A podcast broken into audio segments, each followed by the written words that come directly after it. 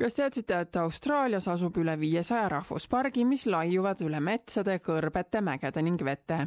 kuigi nende esmane eesmärk on kaitsta Austraalia kohalikku floorat, faunat ning kultuuri, on nad olemas ka selleks, et austraallased ning turistid neid nautida saaks nimed nagu Uluru, Sinimäed ja kaksteist Apostlit on enamike meie jaoks tuttavad, kuid need rahvuspargid on vaid murdosa sellest, mida kogu Austraalial pakkuda on kattes peaaegu neli protsenti kogu Austraalia maa-alast, asuvad rahvuspargid kaitsealadel, mis hõlmavad enda alla rikkumata maastikke ning mitmekesiseid taime- ja loomariike. Austraalia suurima põhjaterritooriumil asuva Kakadu rahvuspargi direktor Pete Kotsel ütleb, et rahvuspargid on aken meie riigi loodusesse ning kultuuri. National parks are usually areas of wilderness or important cultural areas for the Aboriginal people of Australia. So they're usually areas that have been identified for some unique values, and that might include, for example, wildlife, so plants and animals, or geological features such as mountains or escarpments or uh, rocky outcrops, or they might be chosen because they have important cultural values associated with the Aboriginal people, and that might include rock art, meeting places, ceremonial practices, and areas of cultural significance. Pete Kotsel ütleb, et pargid pakuvad mitmeid erinevaid tegevusi inimestele nautimiseks. So in Kakadu you can do cultural tours and explore the significance of the Aboriginal people here. There's also a lot of bird watching. There's also other sort of animals if people are more interested in fauna, and they include crocodiles, obviously. Um, some of the marsupials, snakes, and lizards. So there's plenty of wildlife to see up here. And there's also some very unique sort of waterfalls and river systems.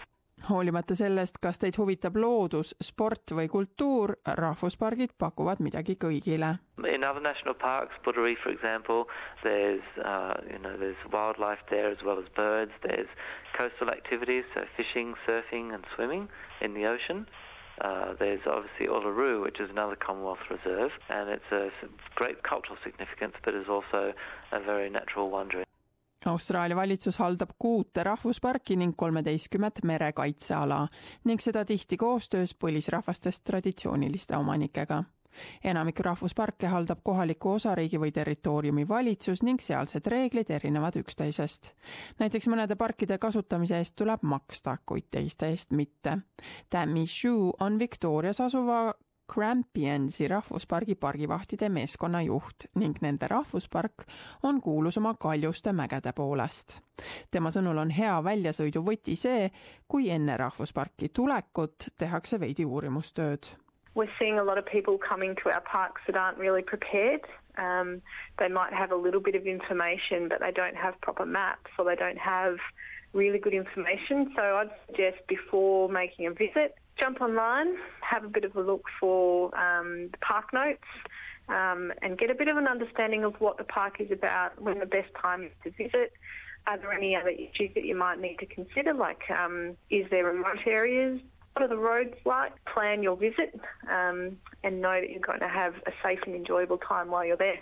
Ta ütleb, et kuigi linnadest kaugemal asuvate piirkondlike rahvusparkide külastamine vajab suuremat ettevalmistust, siis uued austraallased ei peaks laskma end sellest hirmutada.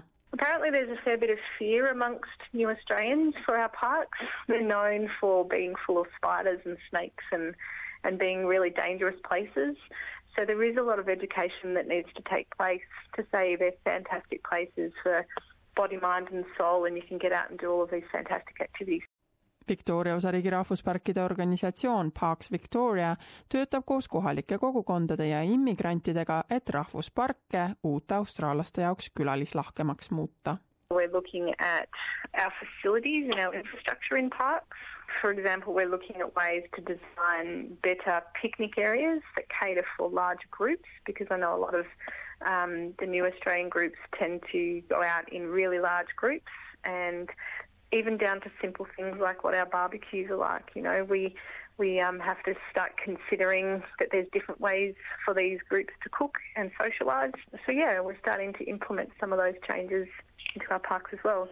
Pete Kotseli sõnul on rahvuspargi külastamine tõeline Austraalia kogemus. Get to know uh, the Australian landscape and the Australian culture through the Aboriginal culture It's um, uh, they're really beautiful places to visit to really understand Australia's history and, and environment. Tammy Shue sõnul usub ta ütlusesse, et terved pargid, terved inimesed. Parks are really important for our physical, mental, and spiritual health and well-being. But beyond that, they can also be really, um, really helpful in generating income. They provide jobs, and they, they also provide for the economic productivity of the state. Rohkem infot Austraalia rahvusparkide kohta leiate kodulehelt parksaustralia.gov.au